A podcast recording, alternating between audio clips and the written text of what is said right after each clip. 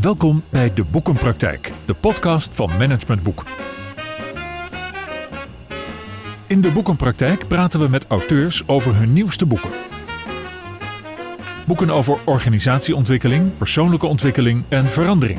En altijd met een link naar de dagelijkse praktijk. Uw presentator is Willem van Leeuwen. We zijn de dienaar van de computer en onze mobiele telefoon geworden in plaats van andersom. En juist daardoor zijn we druk, moe en overbelast. Toch wel een beetje schokkende constatering die Martijn Aslander doet in zijn recente boek Ons werk is stuk. Waarin hij samen met Arjan Broeren en Mark Meijnema ons terug wil brengen naar de tekentafel om digitaal fit te gaan worden. Martijn, al 16 jaar een begenadigd spreker, stand-up filosoof, denker, auteur op het gebied van netwerk en informatiesamenleving. En momenteel is het belangrijkste thema wat hem bezighoudt. Hoe worden we en blijven we digitaal fit? Zowel op het podium als in zijn publicaties brengt hij met hartstocht en humor de complexe impact van technologie op de samenleving in kaart. En is dus mede-auteur van het boek Ons werk is stuk. Hij is vandaag mijn gast in deze aflevering van de Boekenpraktijk. Welkom Martijn. Ja, fijn om hier te zijn. Waarom is ons werk stuk?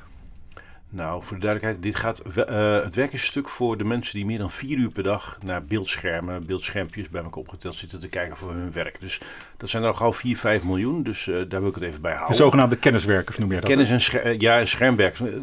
Ik had wat discussie met wat academici. Wanneer is iemand nou een kenniswerker? Dat is, daar is geen algemene eenduidigheid uh, over. Nee. Dus ehm, dat had ik handig opgelost door ja. te zeggen, nou kennis en schermwerkers, dan weten we ongeveer waar het over gaat. Ja. En die mensen die zijn meer dan vier uur. Je praat over 4, 5 miljoen mensen volgens mij uh, ja. in Nederland alleen al. Hè? Ja. En die mensen zitten het grootste deel van hun werkdag dus achter dat schermpje en doen hun stinkende best. En toch pretendeer jij dat hun werk stuk is. Dus nogmaals de vraag, waarom is hun werk dan stuk? Nou, er is een onderzoek van uh, Microsoft van vorig jaar dat, uh, waarin gesteld werd dat schermwerkers ongeveer 240 uur per jaar kwijt zijn aan zoeken. Dat is zoeken. Zoeken, op De, op, naar, naar, bestanden, naar informatie. Zoeken, geglooi. Ja. ja.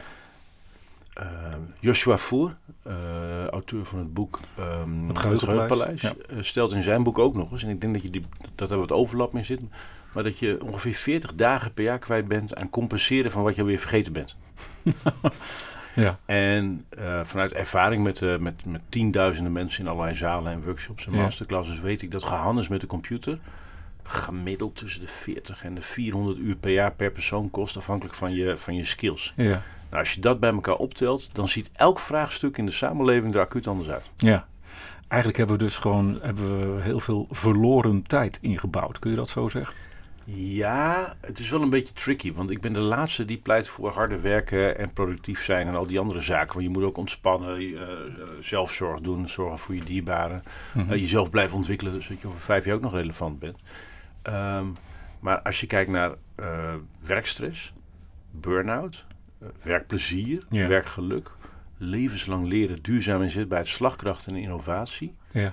dan blijken dat onderdelen van hetzelfde stuk te zijn in plaats van losse velden en onderwerpen. En dat vond ik wel heel fascinerend in de research van het boek. Ja, da daarom opende ik ook met, met, met wat in jouw boek staat, of in jullie boek staat. We zijn de dienaar van de computer en onze mobiele telefoon geworden. Ja. Je beschrijft ook, um, eigenlijk um, hebben we voorspeld met z'n allen dat een digitale samenleving, dat hebben we in de jaren zeventig gepropageerd, dat gaat ons meer tijd opleveren en dat is eigenlijk niet gebeurd. Nee, en, en Keynes zei in de vorige eeuw al van joh, uiteindelijk gaan we naar een wereld toe waar we dankzij technologie 15 uur per week maximaal werken. Well, mm -hmm. that didn't happen. Mm -hmm. En um, ja, de vraag is, wat is werk? Nou, daar kun je heel filosofisch naar kijken. Laten we dat niet te lang doen hier. Maar ja, je bent eigenlijk vanaf het moment dat je wakker wordt tot je gaat slapen, ben je informatie aan het processen.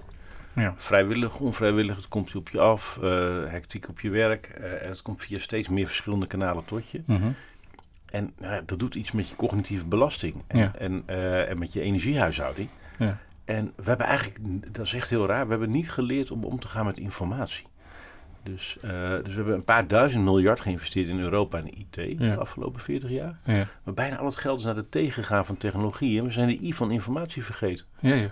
Zullen we dat eens iets concreter maken? Stel dat ik eventjes uh, um, over de schouder van zo'n, toch maar even de label als kenniswerker mee mag kijken. Je schrijft ook, we gebruiken onze computer nog steeds als een veredelde typemachine. Dat gaat dan ook volgens mij over hoe we omgaan met nou ja, met, met informatie op de computer alleen al. Neem ons eens mee. Wat doen we daar dan niet handig in? Ehm, nou ja, we negeren het belang van informatie. Dus daar begint het mee. Dus Mhm. we hebben op dit moment eh, we hebben, allemaal programma's over di- digitale geletterdheid, mediawijsheid en fake news en zo. Maar in de praktijk moeten we even eerst gaan eh, stellen dat niemand ons ooit geleerd heeft waar we informatie moeten opslaan, hoe we dat moeten opslaan, hoe je bestanden moet noemen, of je daar ook afspraken over moet maken met collega's en hoe je dat snel kan terugvinden. Ja. Dat stuk van ons, van het ambacht van de kenniswerker, Ja. hebben we gewoon genegeerd. En leraar, dat kun je zo niet kwalijk. Leraren weten het ook niet op scholen, dus die kunnen het ook niet aan hun kinderen uitleggen. Nee, Want ze weten het domweg niet. nee. En dit, dit lijkt ja, niet zo heel belangrijk, maar als je gaat bedenken dat alle informatie die je in je leven tot, op je afgekomen is, die je, had kunnen, die je hebt vergaard in mapjes en submapjes, documenten, dat is een vorm van kapitaal. Mhm. En met dat, wat wij noemen informatiekapitaal, Ja. kun je van waarde zijn voor een ander. En als je dat doet, Mhm. verwerf je eigenlijk sociaal kapitaal. Ja. En dat is eigenlijk de smeerolie van elke organisatie. Ja. Want dat, dat, dat draagt bij aan vertrouwen eh, en dat je makkelijker hulp krijgt. Hè.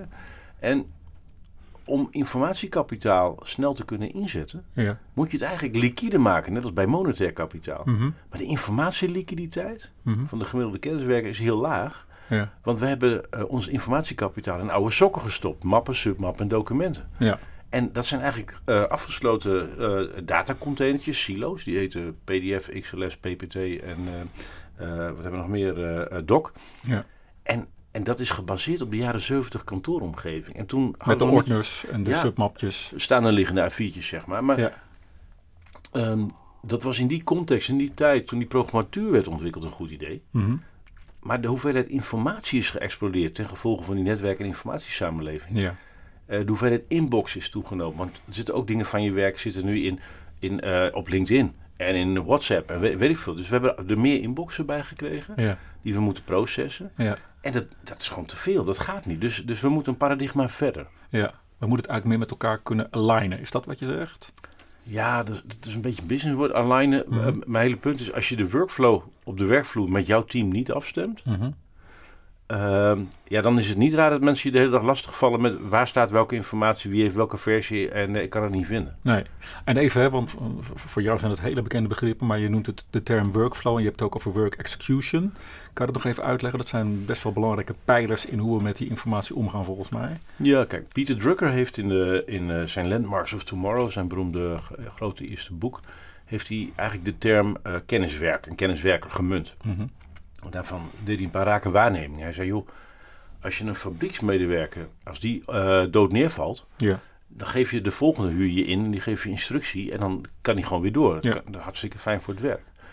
Ehm, hij zei, maar bij kenniswerkers, je weet niet hoe iemand een beleidsplan maakt, een communicatiestrategie verzint, of whatever. Dus je moet een kenniswerker, moet je eigenlijk geen instructie geven. Nee. Die moet je met rust laten. Dat heeft Mathieu Weggeman natuurlijk in Ja. eh, leiding geven aan professionals niet doen, eh, ook goed beschreven. Ja. Maar Pieter Drucker kwam erbij als eerste. En die zei, joh, kenniswerk bestaat eigenlijk uit ehm, work execution. Hoe jij met je skills, je ervaring, je talent, eh, je trauma's je werk doet. Ja. En de workflow. Mhm. En die workflow is hoe dat werk in, in het hoofd van jou terechtkomt. Ja. Hoe jij eh, anderen bevraagt, zodat die puzzel in je hoofd gelegd kan worden. Hoe je anderen op de hoogte houdt van hoe ver je ermee bent. Mhm. Zodat ze weten waar ze op kunnen rekenen. En hoe dat werk dan de organisatie of de wereld weer ingaat. Ja. Nou, daar hebben we een historische eh, denkfout gemaakt. Daar hebben ze mensen voor ingehuurd. Die hebben ze boven die anderen gezet. Ja. Die zijn ze manager gaan noemen. Mhm. Maar je moet dus geen mensen managen. Die moet je uitdagen, inspireren, faciliteren, dienen. eh, af en toe draaien om de oren. Je moet de workflow gaan managen. Ja. En dan moet je het niet doen door erboven te gaan hangen. Dat doe je het beste tussen de linies, ertussenin. Mhm. En het goede gesprek over de workflow en ons digitale werkgereedschap heeft domweg nooit plaatsgevonden. Wa- waarom vindt dat dan niet plaats? Want het klinkt zo logisch. Eh, en ik denk dat we er Ja, allemaal last van hebben. Ja, wij snappen het ook niet. Nou, ik heb een paar verklaringen. Ja. Ehm, allereerst, ehm, het is natuurlijk heerlijk om, om, om de paar jaar achter een nieuw buzzword aan te rennen. Hè? Mhm. Digitalisering, digitale transformatie, hybride werken. Ja. Eh, prachtig. Maar als je doorvraagt en je zegt, ja, maar wat heeft eh Mien van de administratie en Erik van de receptie eraan? Dan zitten ze je glazig aan te kijken. Dus Mhm. er is geen handelingsperspectief voor elke individuele medewerker. Dat is Mhm. even mijn eerste punt. Ja. Dan is het zo dat HR-mensen die op zich betaald worden om na te denken over de ontwikkeling van de medewerkers, eh, human capital, die hebben niet zoveel met technologie. Nee. kort door de bocht. HR-mensen houden niet van knopjes. Hm. Dus je kunt eh, ontdek je innerlijke passie doen, eh, de- dienend leiderschap, verandermanagement.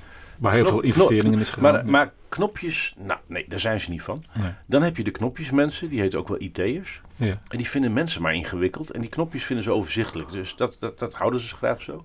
En die twee werelden raken elkaar niet Ja. zo. Nee. Dan heb je in grotere organisaties nog een derde soort. Die vind ik de tofste. En dat zijn de IV'ers. Dat zijn de mensen van de informatievoorziening. Dat zijn bibliothecarissen, archivarissen. En heel eerlijk. Als jij de grootste bibliotheek ter wereld binnenloopt, dan krijg je heus geen hoofdpijn van al die boeken. Nee. Maar als je wat zoekt, dan is de snelste manier is even naar een bibliothecaris toe lopen. Hallo meneer, ik zoek een boek daarnaar of kunt u me even helpen? Ja. Dus die zijn veel belangrijker in een grote organisatie dan iedereen doorheeft. Maar die hebben zich de kaas van brood laten eten door die testosteron gedreven eh, IT-nerds die Ja. eh, sales targets moesten halen om software te verkopen. ja, en dan die manager nog. En daar dwars doorheen zit een schaamte op het onderwerp. Dus Ja. eh, als je je schaamt over niet goed kunnen omgaan met die computer en het eigenlijk allemaal niet zo goed begrijpen. ja. Ja, die ruimte heeft ervoor gezorgd. Want Ik zit ook een beetje te zoeken naar, Ja. want het is een hele logische verklaring, maar het klinkt voor mij ook een beetje alsof kennelijk dit soort groepen, functionarissen, ook wel een belang hebben om het in stand te houden. Want ik kan me ook voorstellen hè, dat als ik. Als dit gaat werken, is de, is de macht weg. Ja, Ja, dat klopt. Ik, zie, eh, ik ken een paar hele succesvolle bedrijven die, Mhm. eh, die, die, die hier goed mee bezig zijn. De eh, AFAS software in Leusden, Ja. Voice in Groningen. Mhm. En die hebben al lang door dat het veel handiger is dat iedereen bij alle informatie kan. ja. En dan kan ook iedereen meedenken. Ja. Maar, maar ja, dan val je als manager wel door de mand als je eigenlijk niet zoveel toevoegt. ja, precies. Dus het is niet in het belang van allerlei managers Mhm. ehm, dat er eh, taakautonomie is, dat er transparantie is. Ja. Want dan kun je de kantjes er niet meer van aflopen. Dan ben je aanspreekbaar, accountable, al die dingen die we eigenlijk graag zouden willen. Ja, Maar die in die oude grote corporate structuren bij de overheid nog heel ingewikkeld zijn. ja. En kun je ook zeggen dat de meeste professionals, die kenniswerkers zijn vaak professionals hoger opgeleid, dat het toch over het algemeen nog digibeten zijn? Nou, het woord digibet gebruiken we eigenlijk niet meer. Mhm. Eh, ehm, we hebben het over analoge idealisten die eigenlijk niks van technologie moeten hebben. Hm. We hebben azelende technologiegebruikers die het wat spannend vinden en niet zo goed kunnen, maar weten dat ze wel moeten. Eh, we hebben de digitale professional die denkt dat hij het kan.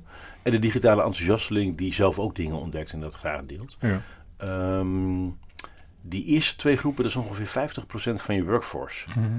En de praktijk is dat wat iedereen doet, is eh, ze eh, op e-mailcursus sturen.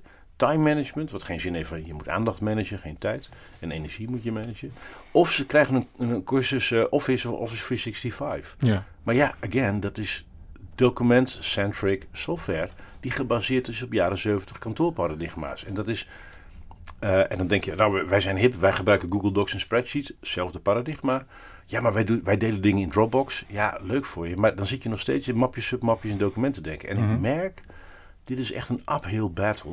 Het is zo ingewikkeld om mensen uit te leggen wat informatiekapitaal is en wat informatieliquiditeit is. En dat je naar, op, met ander digitaal werkgereedschap Waarom is dat zo moeilijk om uit te leggen? Want je legt het perfect Omdat het- uit. omdat het raakt aan je eigen workflow. Aha. En dat willen ze helemaal niet horen. Komt er dichtbij eigenlijk. Dat, dat doet pijn. Ja. Want, Ja. want dat is nogal confronterend. Ja. En er zit schaamte op. Ja. En hoe hoger je in een organisatie komt, hoe heftiger het effect van die schaamte. Ja. Dus dank je de koekoek. Mensen gaan echt niet in de raad van bestuur zeggen dat ze het eigenlijk niet snappen. Nee. Maar ze gaan wel beslissen over die miljoenen of miljarden. Ja, ik kan me ook nog voorstellen dat eh, bijvoorbeeld door corona zijn we allemaal meer thuis gaan werken. En nu hebben we het allemaal over hybride werken. Dat dat, ja, je zit al mee te knikken, dat mensen dat ook als een doekje voor het bloeden zien eh, en zeggen van ja, maar we doen het nu toch. Hè? Nee, wat we gedaan hebben is eh, eigenlijk al vanaf de jaren 70. we, eh, we hebben enorm krachtige computertechnologie. Mhm. En de bedoeling was dat die computer ons werk uit handen zou nemen. Hè, dat wij Hmm. in Luilekkerland terecht zouden komen. Wow, dat is niet gebeurd. Wat we eigenlijk gedaan hebben is vier paarden voor een auto zetten. Ja. En eh, nou, met al die investeringen erbij hebben van die vier paarden hebben we er 16 gemaakt. Ja. En die paarden hebben ook nog snellere, eh, hoe heet het, dingen, hoefijzers gegeven. En een betere zweep. Ja. Maar we hebben het contactsleuteltje van die auto nooit omgedraaid. Mhm. Ja. En, en, en, en dat, wat we nu zien bij hybride werken, is dat mensen full force op teams gaan. Nou, dat is, als je het goed gebruikt, kun je daar heel ver mee. Dus even niks te nadelen van Microsoft. Mhm. Maar dat gehannes met documenten rondmailen, überhaupt e-mail als kanaal gebruiken. Mhm. ehm, en de hele tijd naar, naar schermpjes zitten te kijken, dat is een cognitieve belasting. Van heb ik jou daar?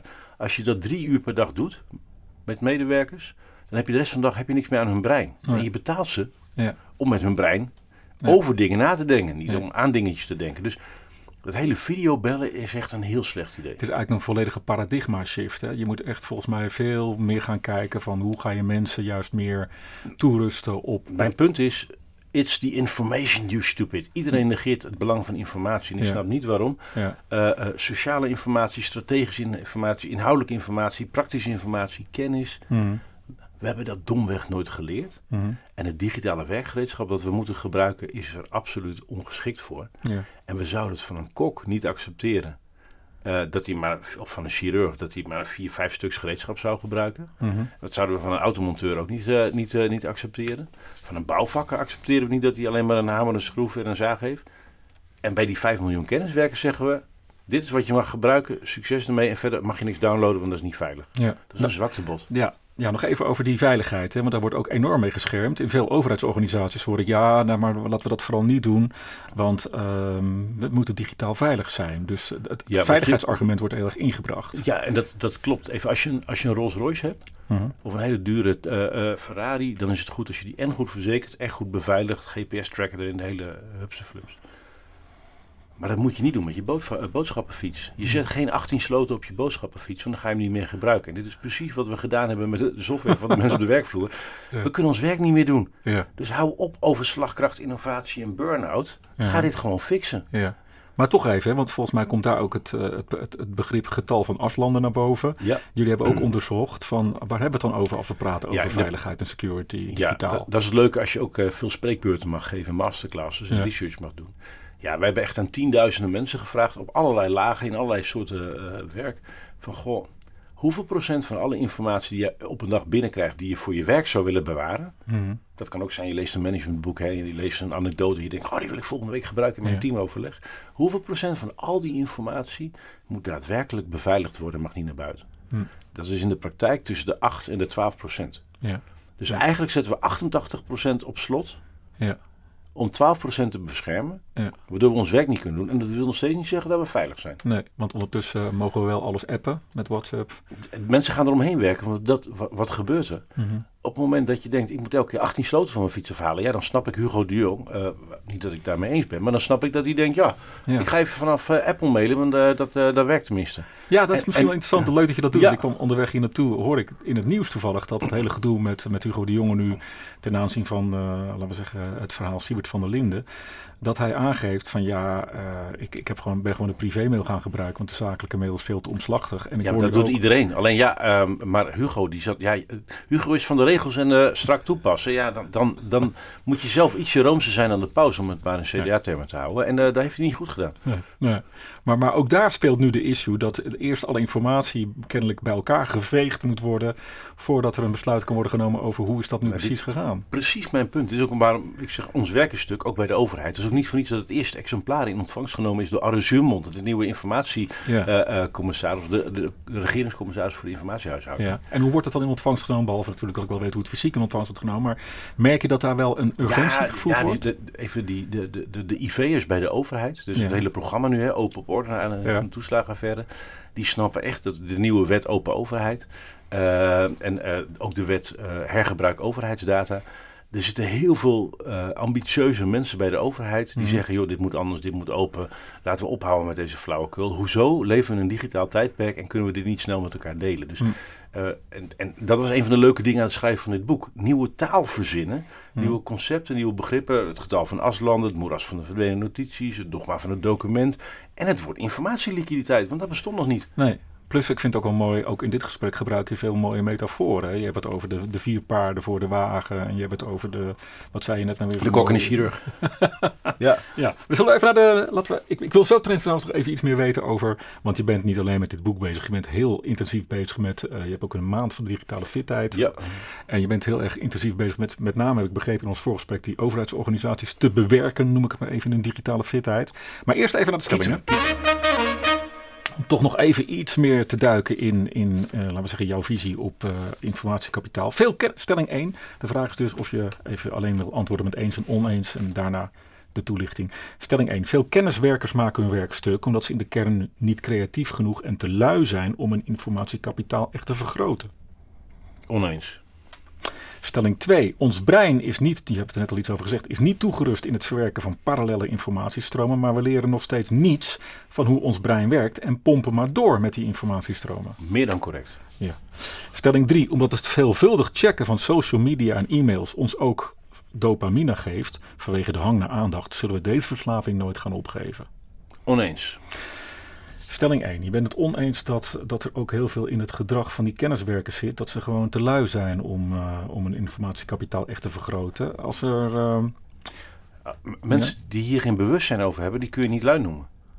Dat moet je even toelichten. Nou ja, als je niet weet dat het anders kan en dat je ergens voordeel van kan hebben. Even, uh, uh, als mensen maar genoeg uh, dopamine krijgen, van de, dus genoeg beloningen krijgen ja, voor, ja. voor ander gedrag, ja. dan gaan ze dat wel doen. En als niemand ze daarop wijst, ja, dan ga ik de ouderwetse manier door. Ja, maar dat vind ik ook een beetje makkelijk. Is het ook niet zo dat mensen zelf daar wat nieuwsgieriger naar kunnen zijn dan? Ik kan toch ook zelf een beetje googlen. Er is heel veel. Dat kan even, ja, ik gebruik bij lezing altijd deze anekdote. Er lopen twee kerels, twee hikers lopen door Yosemite Park op hun bergschoenen. En op een gegeven moment komen ze een grizzlybeer tegen, zo'n hele grote. En uh, een van die twee kerels die, die zakt heel zachtjes uh, door zijn knieën. Die pakt zijn rugzak zachtjes af en haalt er twee sportschoenen uit. En die begint zijn wandelschoenen uit te doen. Hij pakt zijn sportschoenen. En zijn vriend zegt, die beer die ren je er echt niet uit hoor. Hij zei, nee, bij jou wel. dus um, de kenniswerkers die nee. dit snappen. Ja. En, en het, het, frustrerende uh, vind ik voor onze samenleving en dus ook de overheid. Is dat heel veel, en ook grote corporates trouwens die ZZP'ers, dat zijn eigenlijk hiërarchische vluchtelingen. Mm, ja. Die zijn helemaal klaar met, uh, op, met jaren 70 software moeten werken met als uh, argument beveiligen. Mm. Uh, en die snappen al lang dat, dat informatiekapitaal en sociaal kapitaal, wat ik eerder beschreef met Erwin Witteveen en Easycratie en Noordaf, onze ja. eerdere boeken, ja. dat dat de smeerolie is om dingen gedaan te krijgen. Als je een probleem wil oplossen, je wil een kans verzilveren of je wil Mission Impossible doen, heb je mensen nodig die je niet kent, je hebt informatie nodig die je nog niet hebt en je hebt ideeën nodig. Ja. En we leven in die netwerk- en informatiesamenleving. En talentvolle mensen die dit eenmaal gevoeld en gezien hebben, die zijn in no time weg bij een corporate of bij een uh, overheidsorganisatie. Want ja, dat is zonde van hun tijd, schaarse waardevolle tijd op deze planeet. Die Ja. willen van, van betekenisvol zijn.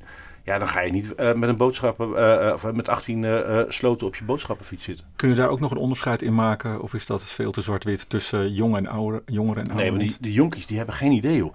Als je naar het bureau, je hoeft alleen maar de laptop open te klappen van een, van een 20-jarige Mhm. of 25-jarige. En ook daar is het één grote bende. Want ook zij hebben dit nooit geleerd. Nee, Weet je, nee. Dat ze wat makkelijker een nieuwe app uitproberen en een filter over een Instagram-ding heen kunnen gooien. Ja. Dat wil niet zeggen dat ze informatie snappen. Ja. Nog even, hè, want dat vind ik wel een mooie eh, relatie die je legt tussen eh, informatiekapitaal, sociaal kapitaal, maar ook monetair kapitaal. Ja, het zijn drie verschillende currencies met elk hun eigen dynamiek. Ja.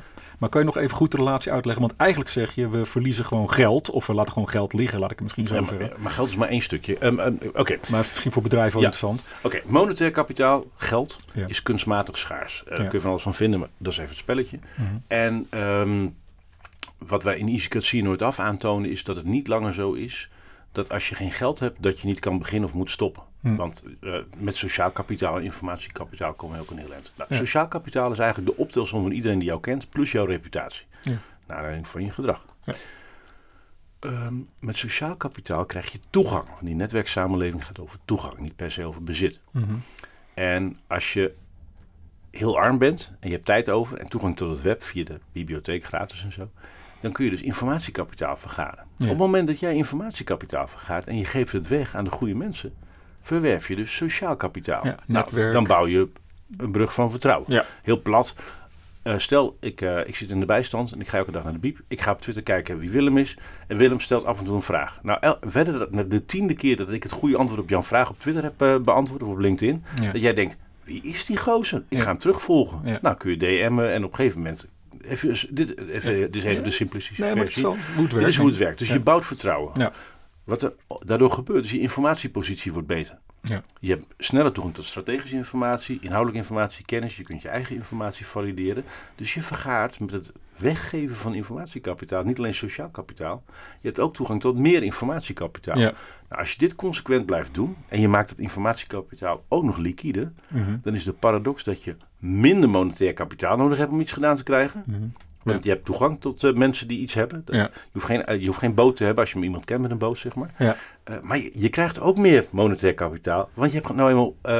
de gunfactor is hoger en je informatiepositie is beter. Dus Ja. you cannot lose. Ja. En, en, en, en dit is wat start-ups al lang snappen. Bootstrapping ondernemers snappen dit.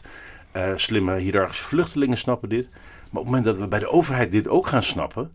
Ja, dan wordt het feest. Ja, misschien moeten we daar even naartoe, naar die overheid. Hè? Want je vertelde in ons voorgesprek dat je dus uh, met, met initiatieven, projecten bezig bent. Uh, de maand voor de digitale fitheid. Kun je daar iets meer over zeggen? Wat, wat houdt dat in? Wat, wat doe je dan precies? Ja, de Maand van Digitale Fitheid is een campagne die in elk geval vijf jaar gaat lopen. Dit jaar was de eerste editie, de pilotfase. Uh, heb ik samen met Marie-Louise Bosje gedaan, die uh, eerder Ambtenaar 2.0 had opgezet. Mm. Ik heb ruime ervaring met de Permanent Beta Community uh, in Nederland, Zuid-Afrika en ook in Teheran zelfs. Mm. En wat we gedaan hebben is op isycratische principes, zonder budget en, en zonder papier. En als ik zeg zonder budget, een paar duizend euro Ja. voor. Ja. Dus een nihil budget.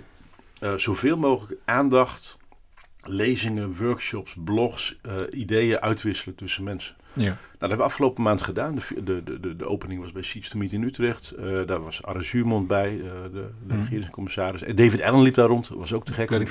Dat. Uh, de, de finale was bij AFAS in, in, in Leusden in hun nieuwe Ja. En tussendoor uh, hebben we iets van 300.000 mensen bereikt. Uh, heel veel ambtenaren via het Rijksportaal. En wat gebeurt is dat mensen zwaankleef aanzien van... ja, wacht even. Aha. We moeten de relatietherapie tussen mens en technologie gaan fixen. Aha. We moeten digitalisering weghalen bij IT. Mhm. Want wat doet een IT'er? Die doet gewoon nog meer knopjes en nog meer geld. Ja. Maar het gaat over gedrag. ja. Maar nog even, want je Ja. zegt dat heel mooi. De relatietherapie tussen Mens mensen en technologie. Wauw. Maar, maar, maar maak dat eens even concreet. Want je hebt ook vijf, eh, vijf pijlers volgens mij als het gaat om digitale fitheid. Wat, wat, wat, hoe, hoe, wat haal ik uit zo'n relatietherapie? Ik, ik ben in zo'n maand ben ik... Nou ja, even, we, we hebben afgelopen twee jaar in coronatijd had ik meer tijd omdat er minder Ja. optredens waren om Ja. hierover na te denken. En ik kwam erachter dat web, tech, digi, cyber, IT, ICT, digitalisering, digitale transformatie, hybride werken allemaal losse hulzen zijn. Ja. En ehm, ik zit bij ePort, dat is eh, de, de, de nieuwspoorttak voor de informatiesamenleving. Ja. En toen zat ik met allemaal mensen in een sessie. En aan het eind van het uur vroeg ik aan ze, want het ging over digitalisering. Ja, jullie hebben het steeds over digitalisering en zo. En ik ook, maar wat bedoelen we daar nou eigenlijk mee? En toen begon iedereen vreselijk hard te lachen.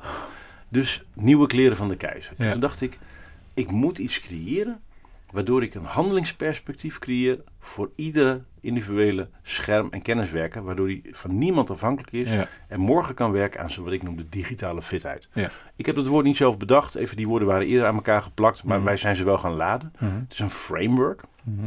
Eh, inmiddels zijn we erachter dat het een compleet en een ro- robuust framework is. Vijf pijlers. We hebben vijf pijlers en die zijn niet per se volgordelijk, maar ze hebben een nauwe relatie. En wat ik zie is dat sinds ik die kapstok heb, en steeds meer mensen gebruiken hem, kan ik feilloos aantonen waar het misgaat in organisaties die achter digitalisering aanrennen. Ja. Want in de praktijk zijn ze of bezig met wat wij noemen technologiediarree.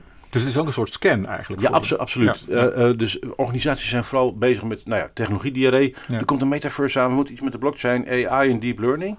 Ja. En dan denkt Mien van, het koffie, eh, van de koffieafdeling, ik, ik, geen idee, het zal allemaal wel.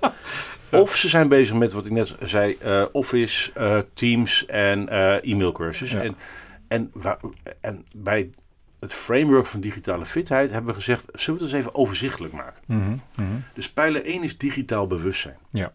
Dat gaat over, dat is de context. Snappen waar die netwerk- en informatiesamenleving over gaat. Die principes snappen. Want anders word je links en rechts ingehaald door hele andere mechanismes dan dat jij hebt voorzien in je, in je architectuur van, je, van wa- wat je ook voor elkaar wilt Ja. boksen. Ja. Ja. Eh, dus dan moet je een beetje weten wat er om je heen gebeurt. Ja. Eh, en dat noemen we digitaal bewustzijn. Als je niet weet wat een hashtag of een algoritme is, ben je af. Ja. Ehm, dan komt pijler 2. Dat zijn je voorwaarden. Digitale hygiëne. Hier is de grootste winst op te behalen voor elke De organisatie. wachtwoorden, et cetera. Het, gaat, nou, het gaat dat je snapt hoe je met die computer moet omgaan.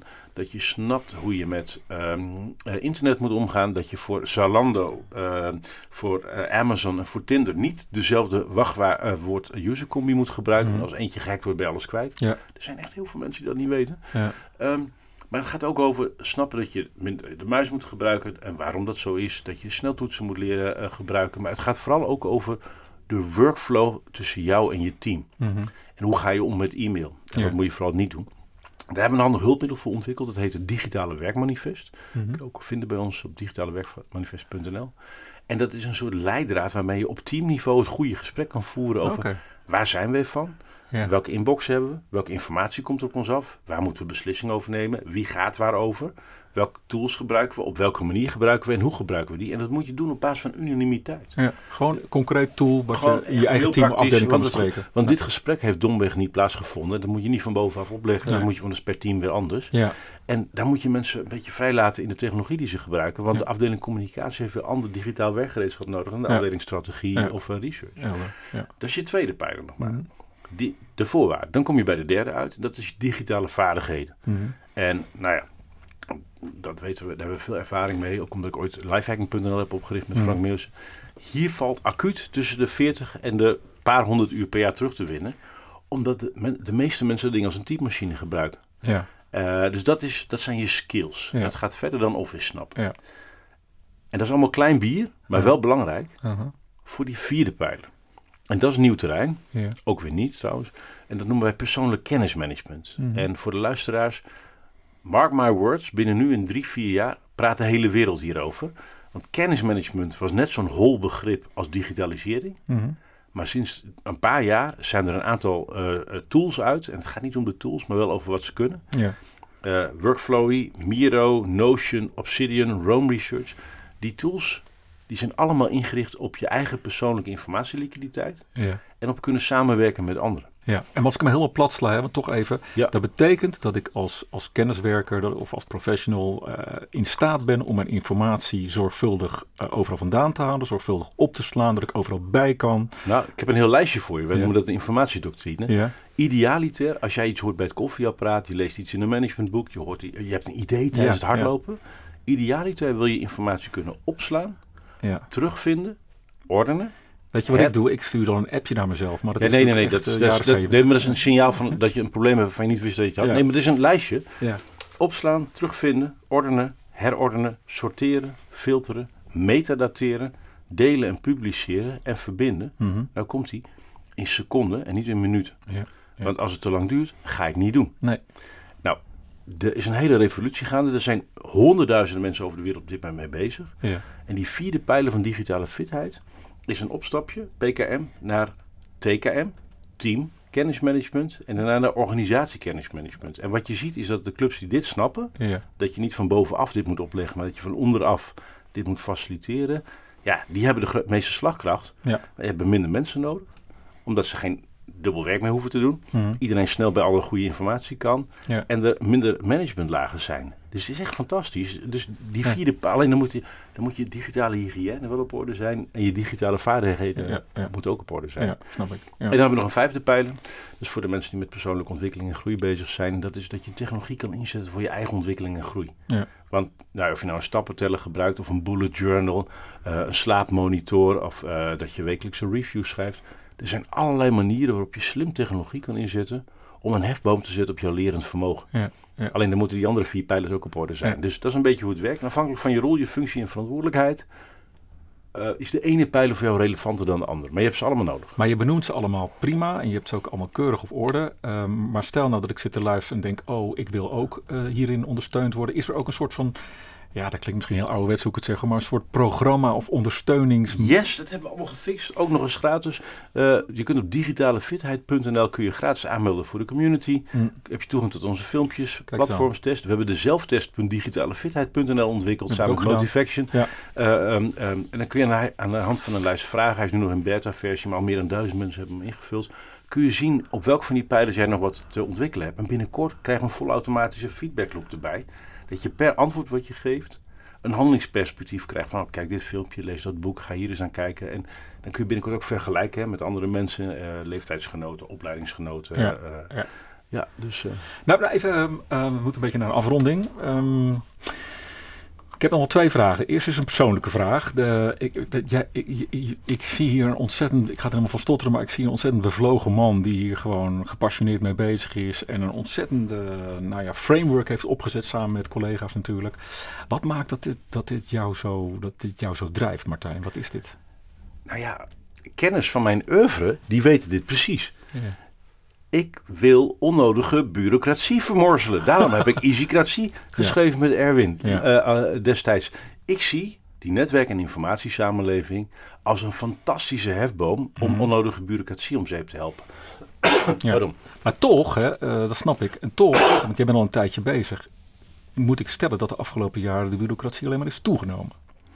Eh, ja, op een gegeven moment keert de wal het schip en dan zijn wij er klaar voor. Mhm. Kijk, zorg, onderwijs, duurzaamheid, dat zijn bureaucratische vraagstukken. Ja. Want eh, de kennis is er, de informatie is er, de ideeën zijn er, de urgentie is er, de noodzaak, de passie, eh, de technologie en daartussen bureaucratie. En binnen die bureaucratie heb je een geheime elitekorps, de Ja. hindermacht. Ja. En die zeggen A en doen B. Ja. En hun tools zijn geld en papier. Ja. Als je dat omdraait, zodra je dus sociaal kapitaal en informatiekapitaal gebruikt, heb je die bureaucraten niet meer nodig. Nee, nee. En als er dan wat misgaat, dan zeggen ze, ja, wat heeft het gekost? Dan zeg je, niks. en dan moeten ze een inhoudelijk argument verzinnen. Daar hebben ze geen zin in. nee. En zo gaan we winnen. Oké, en dan de laatste vraag. Want jij eh, eh, je, je bent zo snel het denken dat je in één antwoord gel- gelijk al zes aspecten en kenmerken noemt. Ehm, als ik het toch even moet platslaan, ik zit te luisteren naar deze podcast en denk, oh, ik wil morgen al iets digitaal fitter worden. Wat zou ik gewoon als concrete eerste actie Oh, die kunnen echt, doen? ik, heb, ik heb twee, drie hele simpele tips. Ja. Eh, tip 1. Check twee keer per dag je mail. Als jij overdag je mail open hebt, gaat een ander bepalen hoe jouw werkdag eruit ziet. Dat lijkt me een slecht idee. Ja. Twee, stel een regel in met e-mail. En in die regel zeg je, als inhoudbericht bevat uitschrijven of unsubscribe, verplaats dan automatisch die mail naar het mapje nieuwsbrief. Ja. Dat, dat ruimt als een malle op. ja. Eh, dus dat is tip 2. Tip 3. Pak een papiertje. Schrijf de 10 apps en programma's op die je het vaakst gebruikt. En ga twee keer een avondje niet Netflixen of NPO'en. Ja. Maar tik op YouTube in dat programma en dan expert tips of best tips. Ja. Zeker weten dat je in no time zoveel tijd overhoudt dat je gewoon drie avonden kan binge-watchen. Ja, oké. Ik heb nog één vraag wel. Heeft, hier, ik weet niet, heeft het hiermee te maken? Ik kwam net binnen en eh, ik, ik las ook ergens dat jij het grootste hunnebed van Europa, van de wereld. Ooit? Ja, het grootste Ooit, hunebed ja. ooit met de hand. Ja. Ja, ja. En toen eh, bood je me een boekje aan, hoe bouw je een hunebed? En toen zei ik, eh, goh, eh, ja, hoe zit dat precies? En toen zei je, ja, als je dit boekje leest, snap je ook de rest van mijn werk. Ja. Wat heeft een hunebed bouwen in godsnaam te maken met informatie? Nou, de context is dat als je 27 jaar bent en je gaat in het dorp waar je bent opgegroeid, waar je vader aan de lokale MAVO stond, waar je net voor 300.000 gulden op je weg bent gegaan in die kleine plattelandsgemeenschap. Als je dan bedenkt, ik ga een miljoen bij elkaar eh, eh, kletsen omdat ik het grootste hunebed ter wereld met de hand wil bouwen, ja. dan weet je één ding zeker, mayhem. Dus ik heb twee jaar lang alleen maar tegenwerking en tegenslag gehad. Dus dit, dit was het project waarvan het de bedoeling was dat het niet door zou gaan of zou gaan lukken. Hmm. Maar ja, als je heilig vuur hebt, dan, Ja. eh, dan lukt het wel. Omdat Ja. mensen het te leuk vonden om een hunebed te bouwen. Met. Uiteindelijk kwamen 14.000 mensen helpen. ja. Dus we hebben een oud mysterie ontrafeld. Maar dit boekje gaat over hoe ga je liefdevol en creatief om met tegenwerking en tegenslag. Dat moet je met een knipoog doen. Dan is het namelijk veel leuker en ook veel beter voor je hart. Ja. En dit gaat over hoe kun je dus eh, de bureaucratie tegen zichzelf inzetten. Ja. Om mooie dingen te maken met elkaar. Ja. Eigenlijk is dat dan misschien wel de laatste tip. Hè? Dat je ook wel gewoon een beetje passie en, en, en, en kracht moet hebben en doorzettingsvermogen om gewoon digitaal fit te worden. Nou ja, mijn belangrijkste wapen is geduld. Dus mensen denken altijd, die Martijn die gaat als een malle. Ja. Maar het geheim is, ga zo hard als je kan en wil. ja. Zonder dat je haast hebt. En zonder jezelf en anderen in gevaar te brengen. Dankjewel.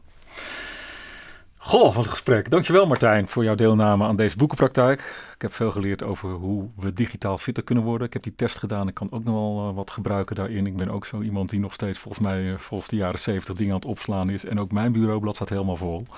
Ik verwijs jou als luisteraar van deze podcast heel graag naar de volgende aflevering. Die over twee weken weer op alle grote podcastkanalen te vinden zal zijn. Ook daarin spreken we in deze boekenpraktijk met een auteur over zijn of haar opmerkelijk recent verschenen managementboek.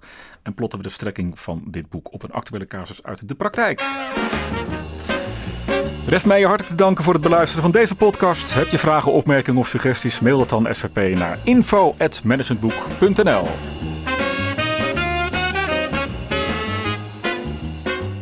Tot zover de praktijk van boeken. Kijk voor meer afleveringen of een abonnement op de boekenpraktijk op managementboek.nl/slash podcast. Je vindt ons ook op Spotify, Apple Podcast, Google Podcast en Soundcloud. Hartelijk dank voor het luisteren en graag tot de volgende podcast. Thank you.